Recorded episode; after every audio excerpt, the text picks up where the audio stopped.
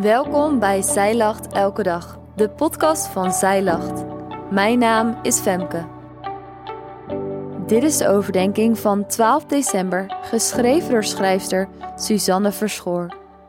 Voor Advent lezen we vandaag Psalm 68, vers 1 tot 11. God is gerechtigheid. David zong het, Maria zong het. Zijn vijanden, de mensen die zichzelf verheven voelen, drijft hij uiteen.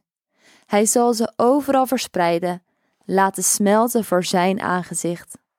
Maar de rechtvaardigen, de mensen die bij hem horen, zullen juist blij zijn en juichen als ze God zien.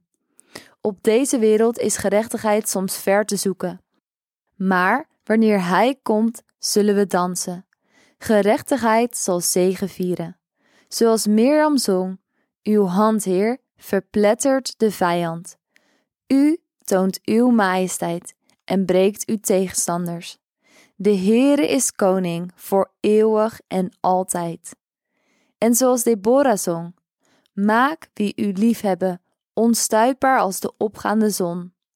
Zing met deze vrouwen over zijn nabijheid en zegen. Het gebed voor vandaag is: Halleluja, niemand is zo rechtvaardig als u. Voordat je gaat, heb jij altijd al eens de hele Bijbel willen lezen, maar lijkt het een te grote opgave? Wij helpen je graag door het in 2024 samen te doen. Doe jij mee? Bestel nu de Zij Bijbel in één jaar of download het gratis leesrooster.